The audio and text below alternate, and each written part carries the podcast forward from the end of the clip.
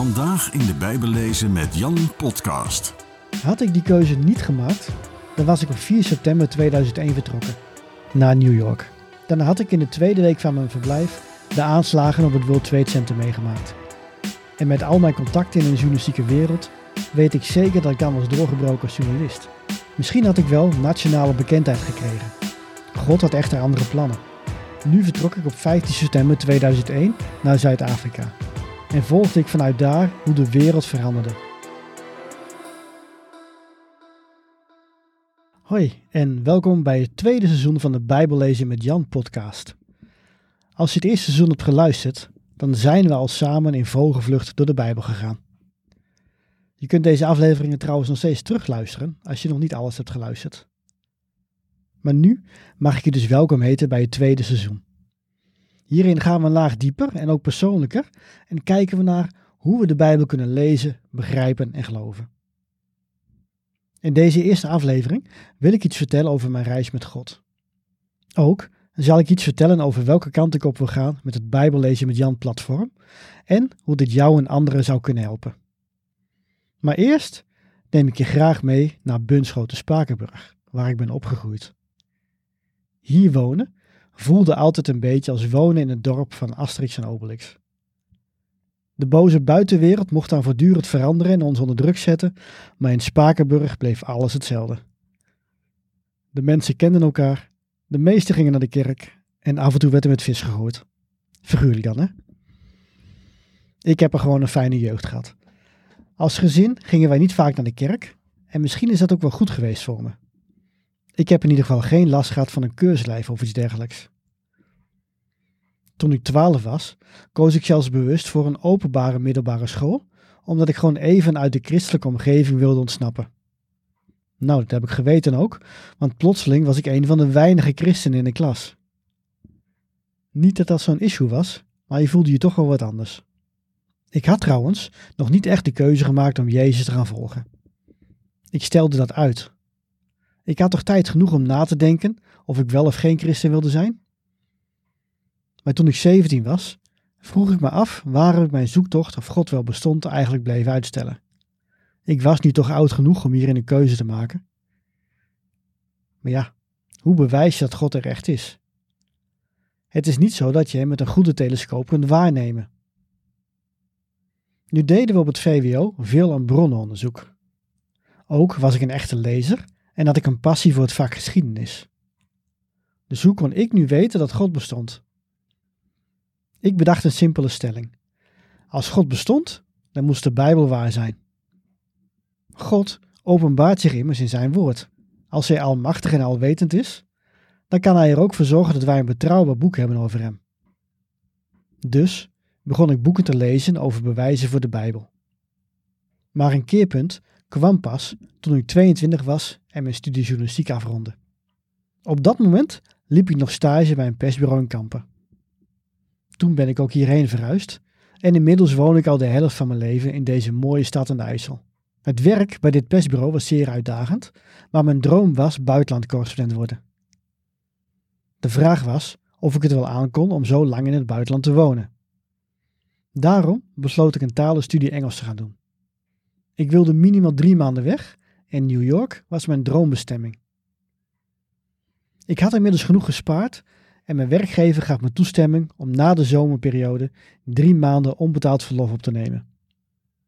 Maar in mei van dat jaar berekende ik de kosten en zag ik dat ik maximaal zes weken New York kon betalen. Dat was te weinig. Zes weken is een lange vakantie en geen test of je ergens definitief kunt wonen. Daarom wisselde ik van bestemming. In plaats van zes weken New York ging ik nu drie maanden naar Kaapstad in Zuid-Afrika. Had ik die keuze niet gemaakt, dan was ik op 4 september 2001 vertrokken naar New York. Dan had ik in de tweede week van mijn verblijf de aanslagen op het World Trade Center meegemaakt. En met al mijn contacten in de journalistieke wereld weet ik zeker dat ik dan was doorgebroken als journalist. Misschien had ik wel nationale bekendheid gekregen. God had echter andere plannen. Nu vertrok ik op 15 september 2001 naar Zuid-Afrika. En volgde ik vanuit daar hoe de wereld veranderde. De Verenigde Staten vielen Afghanistan binnen op zoek naar Osama Bin Laden. Nu moet je weten dat mijn docenten in Zuid-Afrika moslims waren. Hele aardige dames, vooral één van hen had vrij sterke meningen over wat er internationaal gebeurde. Ze keurde de aanslagen overigens niet goed, maar ze was het ook niet bepaald eens met de reactie van het Westen. Voor mij was het interessant om te zien dat je dus ook met andere ogen kon kijken naar wat er gebeurde. Een moslim denkt gewoon anders. Hoe dan ook, deze periode was voor mij erg vormend. Ik ontwikkelde een passie voor het reizen en kreeg meer zelfvertrouwen. Ook had ik een Zwitserse klasgenoot die de discipelschapstrainingsschool van jeugd met een opdracht ging doen in Zuid-Afrika. Daar had ik nog nooit van gehoord. Zij was echter de eerste die mij vertelde dat je ook een persoonlijke relatie met Christus kon hebben. Daar had ik ook nog nooit van gehoord. God was voor mij wel ergens in de hemel. Hij voelde ver af, niet dichtbij. Eenmaal weer thuis in Nederland vond ik een boek dat weer ging over het waarheidsgehalte van de Bijbel. Het heet Bewijs genoeg. En de auteur Lee Strobel was, net als ik, journalist. En hij gebruikte in zijn boek een journalistieke methode om te ontdekken of wat de Bijbel zegt waar is. Zo interviewde hij 13 topwetenschappers over de betrouwbaarheid van Gods woord. En dankzij dit boek leerde ik dat de Bijbel veel betrouwbaarder is dan de geschriften over bijvoorbeeld Plato, Aristoteles, Julius Caesar en andere figuren uit de oudheid. Over hen nemen we heel veel als waarheid aan, terwijl het gat tussen wanneer ze hebben geleefd en het oudste manuscript dat we hebben over hun leven of onderwijs honderden jaren is. Soms wel duizend jaar. Bovendien zijn er slechts enkele manuscripten bewaard gebleven. Als je dat vergelijkt met de Bijbel, daarvan hebben we duizenden oude manuscripten. En het gat tussen wanneer iets plaatsvond en hoeveel later het is opgeschreven is veel kleiner.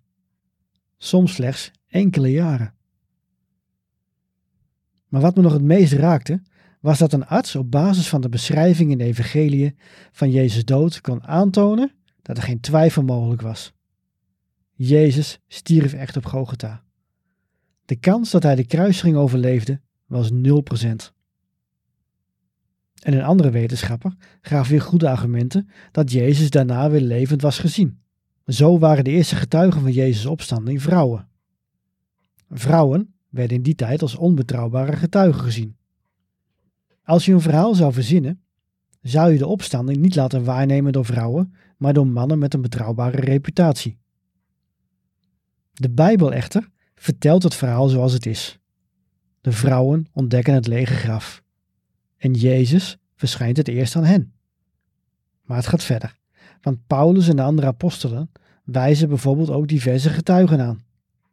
Eens verscheen Jezus zelfs aan meer dan 500 mensen tegelijk. Sommigen daarvan zijn inmiddels overleden, zegt Paulus. Met andere woorden, als je wilt weten of wij de waarheid spreken, ga dan met die anderen in gesprek. Paulus' tijdgenoten konden dat nog doen. Het meest overtuigend voor mij was echter het argument dat elf van de twaalf apostelen een gewelddadige dood stierven. Ze hadden die kunnen voorkomen door te zeggen dat Jezus nog altijd dood was. Maar dat deden ze niet. Wie zou de marteldood sterven voor een leugen waar je niet in gelooft? Niemand toch? Ze moeten er dus zelf van overtuigd zijn geweest dat ze de levende Jezus weer hadden ontmoet na zijn dood. Voor mijn gevoel kon ik er niet meer omheen. Ik wist nu zeker dat de Bijbel betrouwbaar was en dat God bestond. Ik wilde hem nu met overtuiging dienen. Toch duurde het nog een jaar of twee voor ik God vroeg of hij me wilde inzetten voor zijn koninkrijk.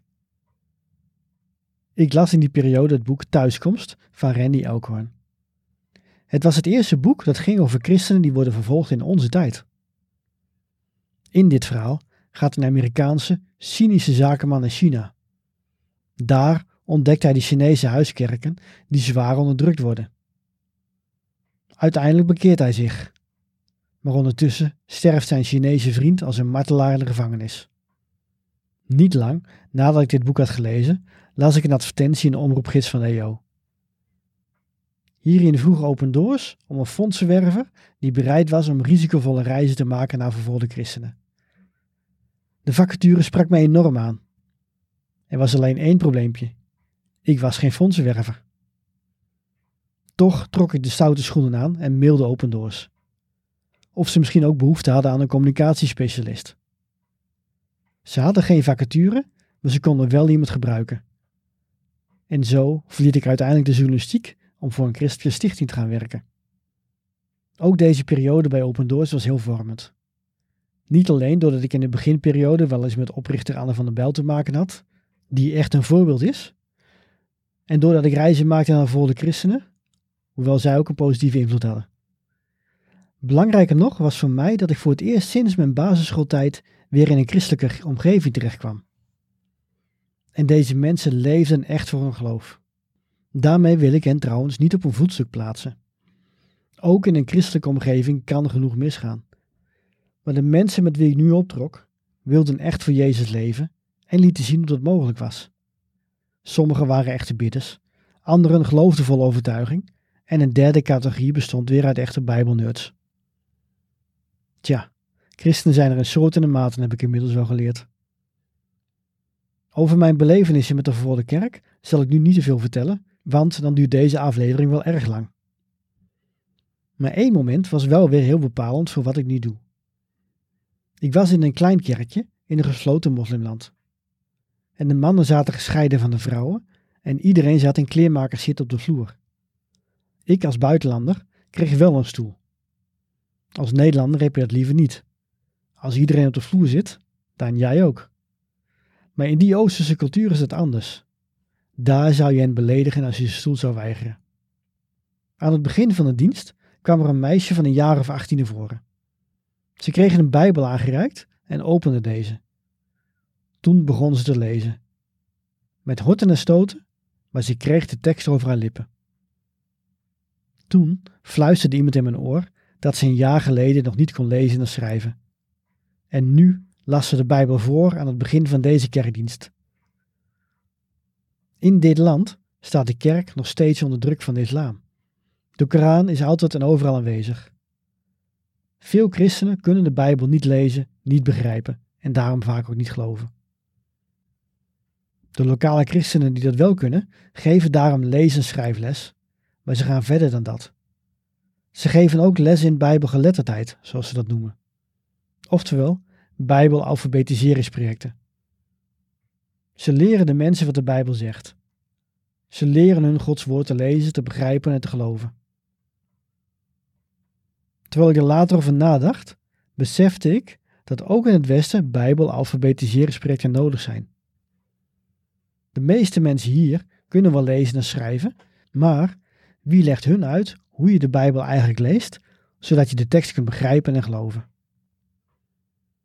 Toen had ik nog steeds niet het idee dat dit wel eens mijn nieuwe roeping kon worden. Dat kwam pas toen de coronacrisis begon.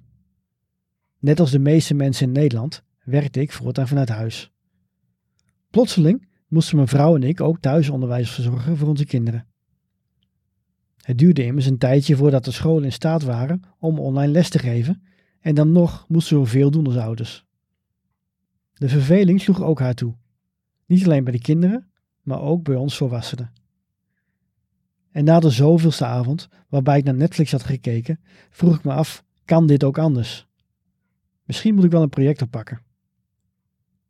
Ik ging aan de slag met een idee dat ik al in mijn hoofd had zitten sinds ik jaren geleden het boek MBA in één dag had gelezen. Ben Tigelaar vat hierin de belangrijkste marketingideeën en principes samen. Toen al dacht ik, wat een fantastisch idee, als je in één dag de mensen kunt uitleggen wat er in grote lijnen in de Bijbel staat. De Bijbel in één dag is een samenvatting van de Bijbel. Ieder Bijbelboek wordt behandeld, waardoor je in korte tijd een overzicht van de hele Bijbel krijgt. Ik schreef het boek in ongeveer een half jaar en publiceerde het e-book op mijn website. Via Facebook ging het gratis weggeven. Later liet ik ook een paperback maken. Het was allemaal erg low budget wat ik deed. Maar toen gebeurde het. Het boek werd steeds vaker gedownload en verkocht. En inmiddels hebben meer dan 40.000 mensen het gelezen. Het was alsof God een deur voor me openzette en naar buiten wees. Hij wees me op een nieuw avontuur. Het was mijn taak om mensen te helpen met het lezen, begrijpen en geloven van de Bijbel. Nog niet helemaal overtuigd, hield ik een enquête onder mijn lezers. Daarin stelde ik twee vragen. Ik vroeg of mensen de Bijbel al wel eens helemaal hadden gelezen en wat de grootste obstakels waren. Zo ontdekte ik dat drie van de vijf lezers de Bijbel nog nooit helemaal hadden gelezen. En de drie grootste hindernissen zijn 1. Gebrek aan tijd en het vormen van een gewoonte. 2. De tekst is moeilijk te begrijpen. En 3. De Bijbel is niet relevant genoeg voor het leven van alle dag. Ik realiseerde me dat als ik mensen wilde helpen met het lezen van de Bijbel, ik deze drie obstakels moest zien op te lossen voor hen. Om te beginnen gaf een groot deel van de lezers aan heel graag de Bijbel eens helemaal te willen lezen. Maar wat doe je dan? Kies je voor het zoveelste Bijbel in een jaarplan? De meeste mensen beginnen vol goede moed, maar maken het niet af. Ze moeten te veel lezen in te korte tijd. Ze vliegen door de tekst en nemen die niet goed in zich op. Dat komt het begrijpen en relevant maken van de Bijbel niet ten goede. Maar wat nu als ik een cursus ontwikkelde die helpt bij het vormen van een gewoonte, die de tekst uitlegt en relevant maakt via dagelijkse e-mails en die je kunt volhouden? Zo kwam ik uit bij het concept de Bijbel in twee jaar. In plaats van vier hoofdstukken per dag, zeven dagen per week, lees je dan twee hoofdstukken per dag, vijf dagen in de week.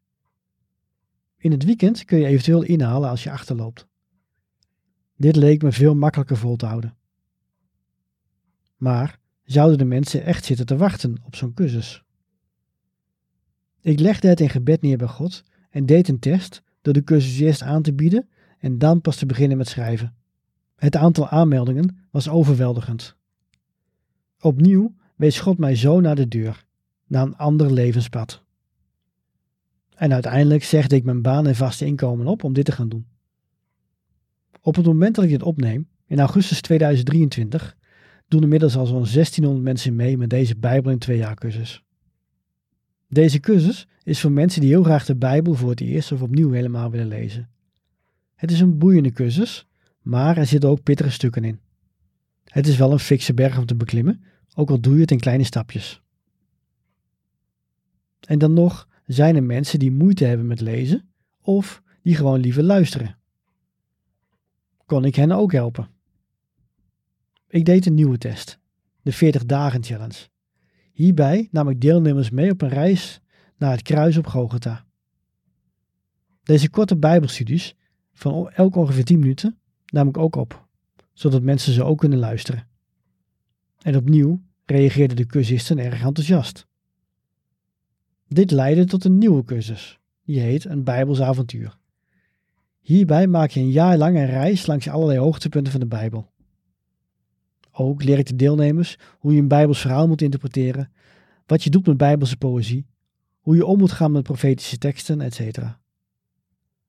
De cursus bestaat uit verschillende modules. Je begint in het Bijbelboek Lucas en leest dan direct verder in Handelingen. De derde module is de Bijbel in 40 dagen en in module 4 staan we stil bij het onderwerp vervolging in de Bijbel. Ook lezen we Bijbelse poëzie, het Evangelie van Matthäus en Openbaring. Je kunt de cursus volgen met een abonnement van een paar euro per maand, of je kunt de modules loskopen, waar je ook maar de voorkeur aan geeft. Inmiddels doen ook hier enkele honderden mensen mee. Sommige kerkelijke gemeentes hebben zelfs besloten om zich met alle leden aan te melden. Dat is dus ook mogelijk, dat je hele kerk meedoet. Ik word hier zo blij van. God heeft mij op dit pad geleid, omdat er blijkbaar een behoefte is om samen in de Bijbel te lezen en nieuwe ontdekkingen te doen. Het is dankbaar werk om zoveel tijd door te brengen met en in de Bijbel en om met mensen samen de Bijbel te lezen. In een volgende aflevering van mijn podcast zal ik mijn specifieke Bijbelleesmethode wat meer toelichten. Maar voor nu wil ik je bedanken dat je hebt willen luisteren naar mijn getuigenis en naar het verhaal achter het platform Bijbellezen met Jan. Ik hoop van harte dat je mee wilt doen met een van mijn cursussen of challenges. Kijk eens op bijbellezenmetjan.nl hoe ik jou of je kerk kan helpen. En schroom niet om contact op te nemen. Bedankt voor het luisteren en veel zegen.